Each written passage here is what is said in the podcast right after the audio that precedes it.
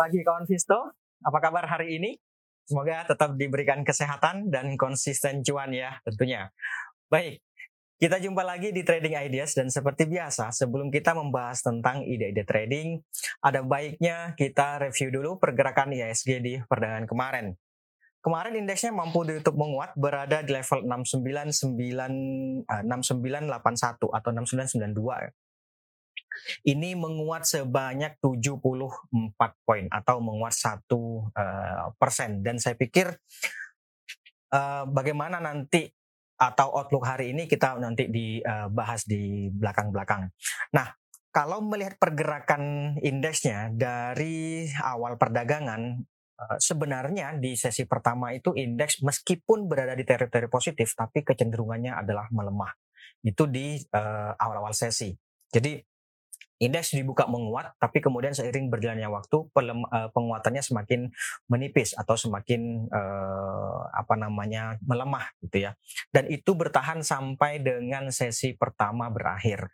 Nah, di sesi kedua awal sesi kedua dorongan beli mulai muncul sampai dan itu bertahan sampai dengan akhir sesi kedua. Jadi praktis selama perdagangan kemarin akhirnya indeksnya bergerak cukup fluktuatif atau cenderung sideways lah gitu ya. Sideways dan kecenderungan menguat gitu.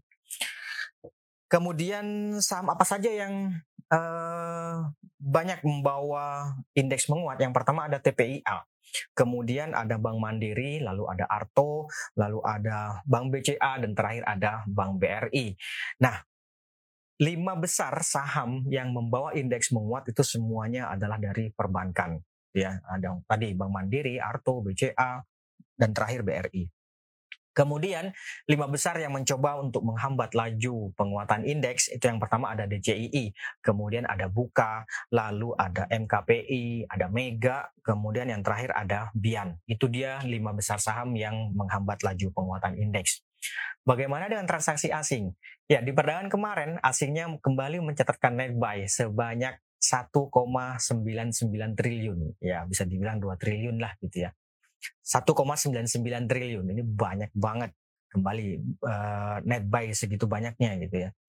Kalau kita rinci di pasar uh, reguler aslinya mencatatkan net buy juga sebanyak 1,76 triliun dan di pasar non reguler atau di pasar negonya aslinya mencatatkan net buy sebanyak 227 bio. Jadi kalau total menjadi 1,99 triliun. Banyak banget. Dari net buy asing itu sama apa saja sih yang banyak dibeli? Yang pertama ada BCA, lalu ada Bank BRI, kemudian ada Bank BNI, ada MTEK, dan terakhir ada Telkom. Itu dia lima besar saham yang banyak dibeli oleh asing. Kemudian lima besar saham yang banyak dijual oleh asing, yang pertama ada Bank Mandiri, kemudian ada uh, Merdeka atau MDKA. Kemudian ada PTPP, ada Java, dan terakhir ada ITMG. Itu dia lima besar saham yang banyak dijual oleh uh, asing. Ya, bagaimana dengan outlook hari ini? Ya, kalau melihat pergerakan uh, eh, ISG di perdagangan kemarin, di mana tadi sempat saya sampaikan bahwa indeksnya uh, sebenarnya sempat bergerak uh, melemah sebentar, bukan bukan berada di teritori positif, tapi cenderung melemah meskipun masih berada di teritori positif gitu ya. Uh, nggak sama sekali tidak nyentuh ke teritori negatif itu maksud saya. Nah, penguatan yang terjadi ini sebenarnya masih memberikan peluang untuk melanjutkan konsolidasi gitu ya menuju resistance level yang ada di 7010. Jadi saya pikir kalau secara keseluruhan maka ini rekomendasinya adalah trading buy. Kenapa trading buy? Karena eh, apa namanya resistance levelnya sudah cukup dekat. Itu. Oke, bukan tidak mungkin hari ini dia akan uh, all time high lagi. Gitu ya. Setelah beberapa minggu yang lalu dia mengalami all time high, bisa saja hari ini uh, ada peluang untuk kembali mengalami all time high. Ring pergerakan diperkirakan antara 6920 sampai dengan 7010, fluktuatif dan kecenderungan menguat terbatas. Kemudian ide trading yang pertama ada Coba kita lihat dulu. Yang pertama ada Saratoga, SRTG. Nah ini dia. Saya besarkan dulu. Ya, kemarin Saratoga juga mampu untuk menguat dan tampaknya harga melanjutkan konsolidasi dengan mencoba untuk bertahan di atas EMA 50 dan saya pikir ini juga memberikan peluang untuk bergerak menguat atau melanjutkan penguatannya. Terlebih lagi ada indikasi uh, bullish crossover di stokastik. Jadi ini bisa saja dipertimbangkan untuk trading buy boleh atau kalau mau buy on ya juga boleh. Kalau mau trading buy saya pikir di 2770 sampai 2810 boleh di level-level itu. Tapi kalau mau buy on ya antara 2750 sampai 2800 gitu 2780 misalnya boleh di level-level itu. Nanti target take profitnya di berapa di sini 2910 yang hijau nih kawan. Ya. 2910 di sini, kemudian di atasnya ada juga 2960 nih. Saya pikir cukup sih uh, take profit di level-level itu gitu ya. Itu untuk Saratoga. Nanti stop lossnya kalau harga melemah di bawah 2740 ya atau sekalian di bawah 2700 gitu ya. Ya, ingat bahwa ini trading buy berarti uh, potensial returnnya itu lebih kecil dibandingkan dengan potensial risknya. Berikutnya ada lagi BBYB. Coba kita lihat BBYB. Nah, BBYB kemarin juga mampu ditutup menguat. Saya pikir ini cukup menarik juga. White opening Marubozu juga terbentuk di perdagangan kemarin atau open sama dengan low gitulah ya. Gampangnya. Nah, kalau melihat uh, ini ini kan dia gagal tampaknya untuk melewati uh, uptrend line dan kemarin bergerak rebound. Jadi saya pikir ada peluang untuk berlanjut menguat. Tapi sekali lagi kemarin kan sudah uh, cukup tinggi nih penguatannya. Jadi saya pikir trading buy lebih pas di dalam kondisi ini. Artinya betul masih ada peluang untuk bergerak menguat tapi penguatannya sudah mulai terbatas. Jadi kalau mau trading buy saya pikir boleh di 2170 sampai 2210 oke. Okay. Nanti target take profitnya di berapa? 2300 sampai dengan 2350 saya pikir boleh juga. 2300 di sini 2350 yang ini kawan, yang garis hijau nih. Itu ya. Oke juga nih untuk uh, trading buy. Kalau kemarin sudah ikutan, sudah masuk, ya boleh coba dipertimbangkan. Misalnya nih kemarin masuk di 2200 atau 2180 misalnya. Boleh coba pasang jual di 2300 gitu. Jemur aja di situ. Kemudian berikutnya ada lagi BBHI. BBHI. Oke, ini dia BBHI. Ya, kemarin dia mampu di YouTube menguat tampaknya kembali bergerak di atas level psikologis 5000, hanya saja masih mencoba untuk atau uji resist di 5250.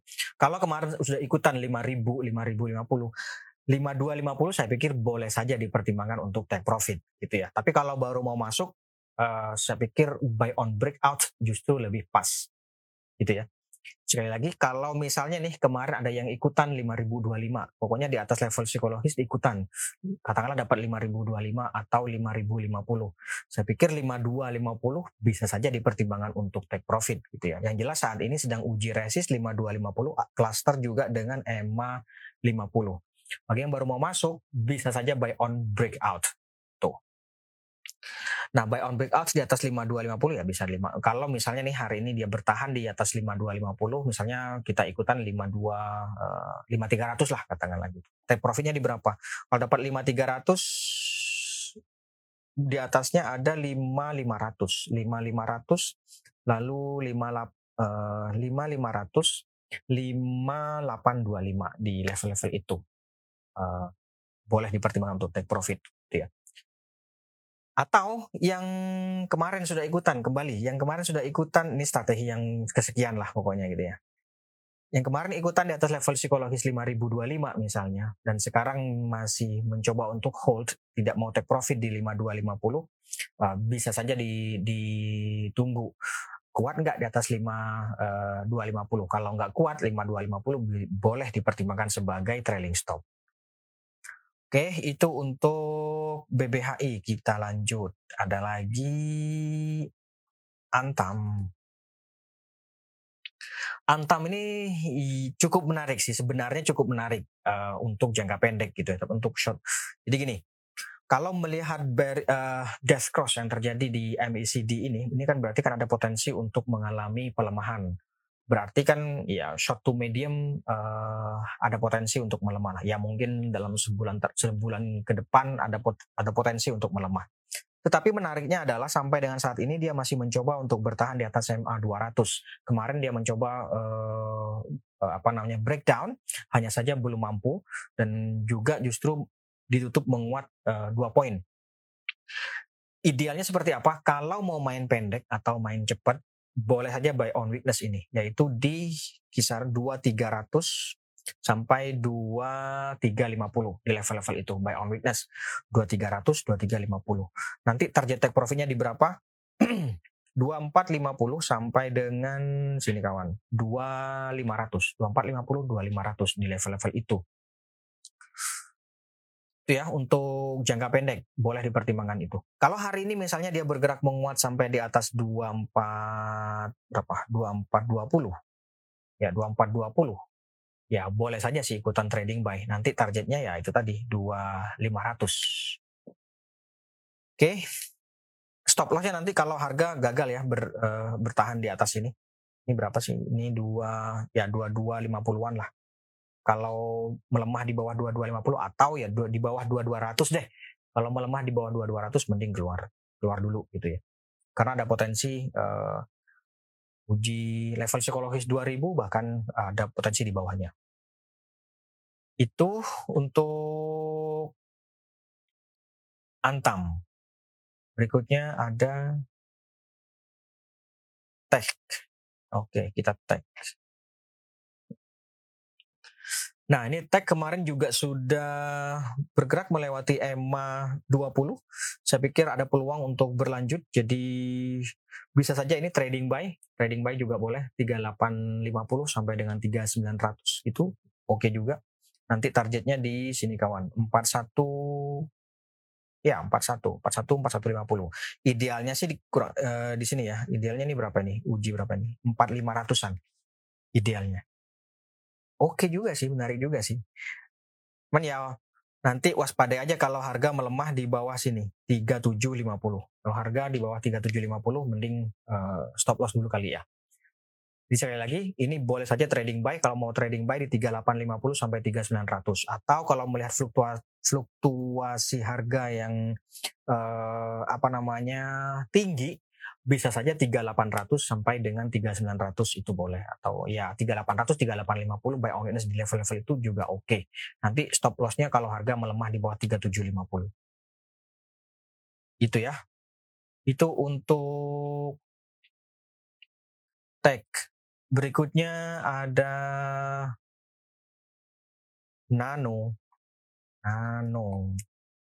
Ya, Nano ini belum kelihatan, uh, mungkin di screen belum kelihatan, baru lima hari terakhir dia selalu mengalami arah. Ya sepanjang itu masih apa namanya uh, arah. Ya saya pikir di hold saja dulu. Tapi kalau mau take profit kalaupun mau take profit menurut saya sih sudah udah bagus lah. Kalau uh, IPO-nya kan kalau nggak salah 100 ya. Ini kan sudah 60 persen.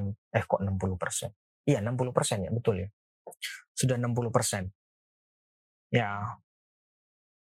Boleh juga sih mau trading buy juga boleh, tapi ini menurut saya sih nggak bisa di harusnya sih jangan ditinggal ya.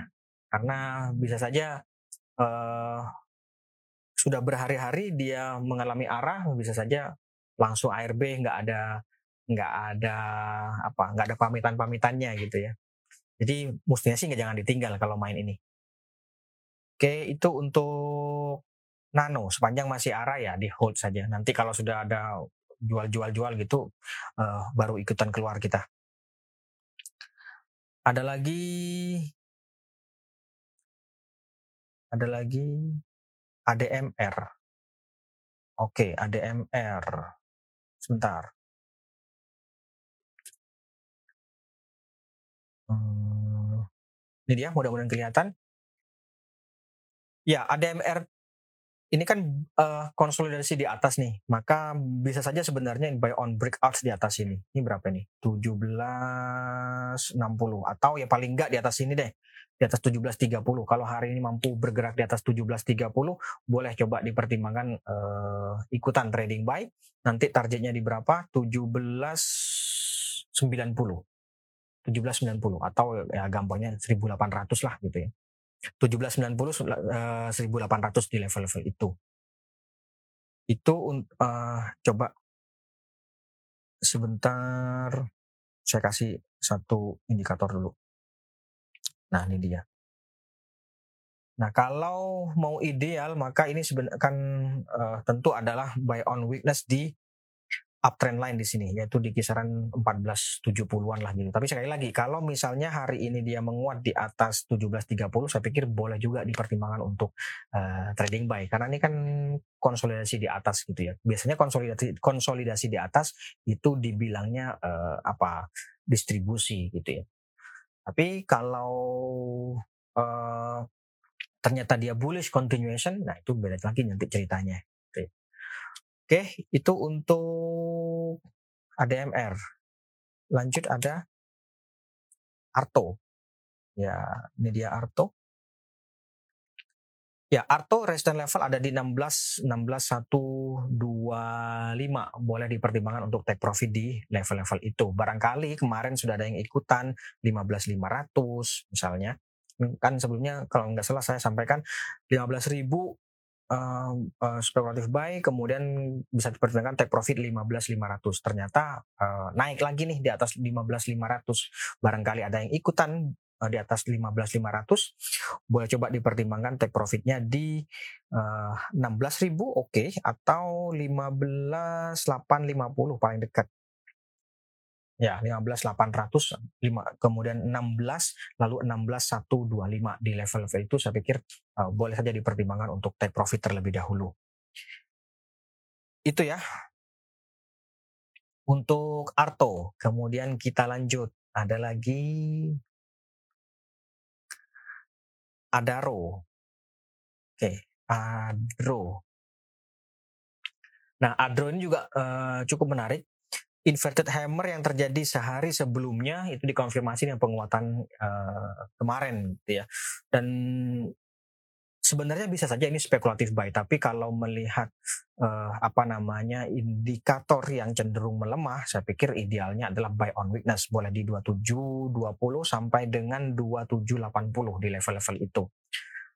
Kalau hari ini dia bergerak menguat di atas 2850 juga boleh dipertimbangkan untuk uh, trading buy nanti 2900 sampai dengan 2950 take profitnya di level-level itu.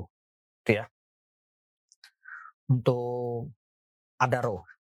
Tapi sekali lagi kalau bicara ideal maka ini idealnya adalah buy on witness tunggu di bawah.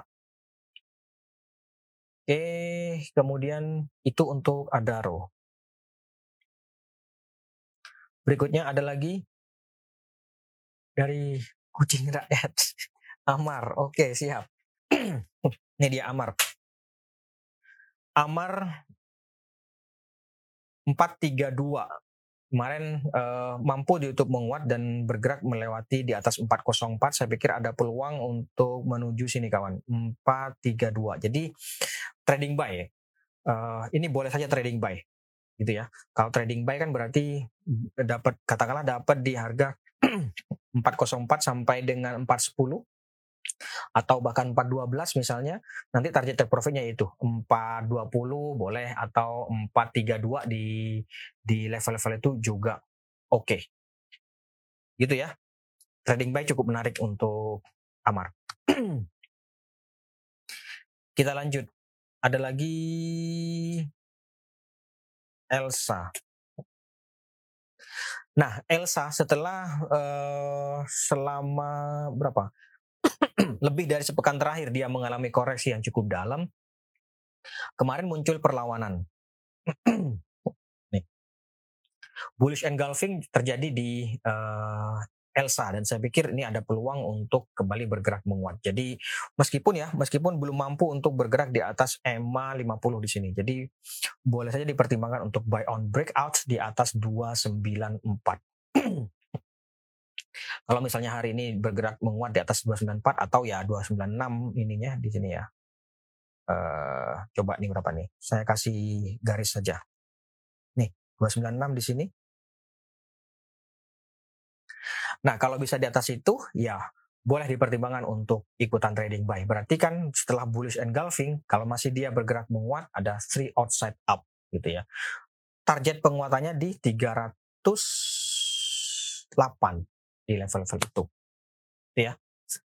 Oke, itu untuk Elsa. Masih ada lagi? Era. Ya, era uji resist 550 kembali uji resist di situ.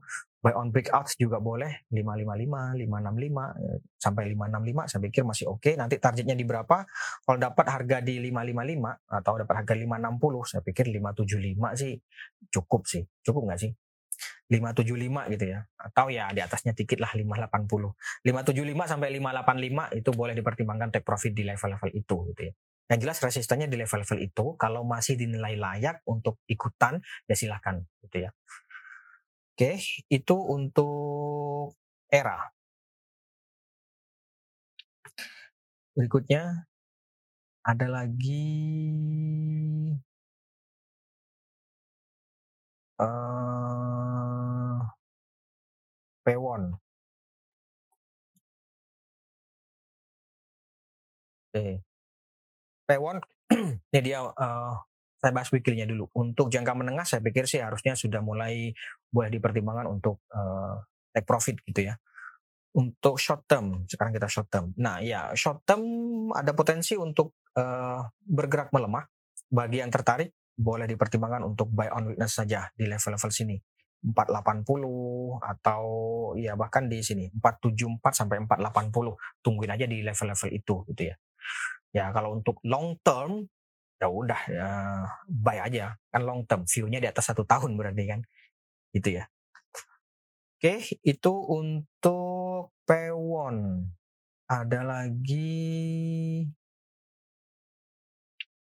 oh ya ada uh, apa namanya tanggal 21 besok ada kita ada webinar tentang IPO Goto. Bagi yang uh, pengen tahu lebih lanjut tentang Goto, boleh coba nanti uh, apa ikutan webinarnya. Dipantengin aja terus di IG kita. Jadwalnya dan jam berapanya nanti ada di IG kita.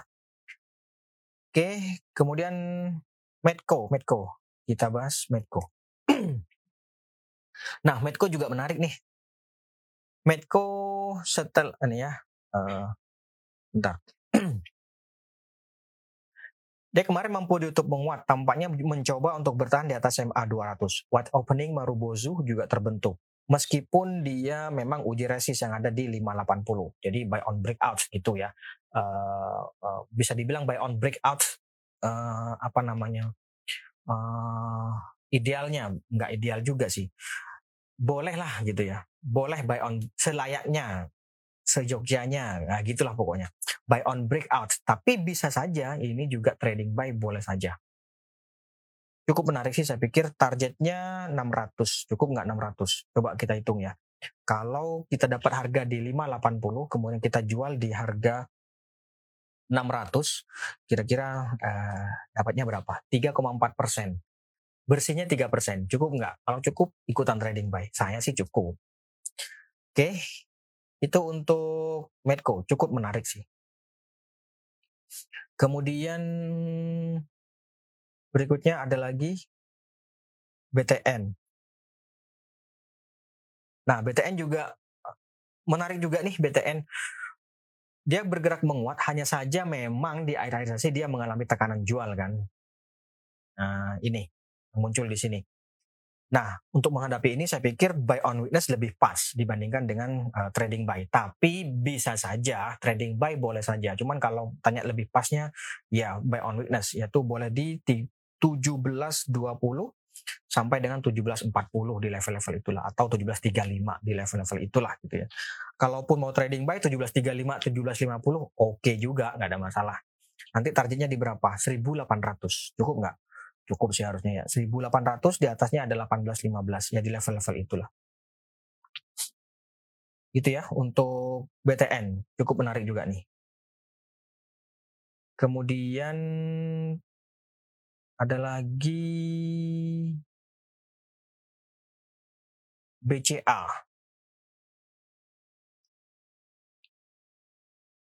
Ya, BCA kalau dari candle, dia kan menguat nih selama beberapa hari terakhir. Kalau dari candle munculnya hanging man ini ada potensi untuk mengalami koreksi jangka pendek.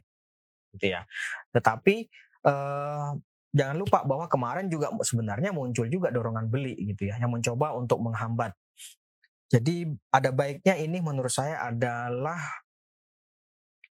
idealnya buy on weakness di level-level sini tentunya ya 7.900 pokoknya di bawah 8.000 lah itu idealnya. Tapi kalau hari ini dia bergerak menguat sampai di atas 8.300 atau paling enggak di atas 8275 deh jadi 8.300 nya kita masuk itu itu oke okay sih.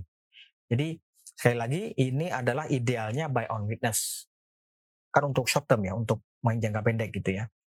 Idealnya adalah buy on weakness di bawah 8.000 tapi kalau hari ini dia bergerak menguat di atas 8275 boleh ikutan trading buy. Jadi targetnya di apa? 8350-an eh sorry.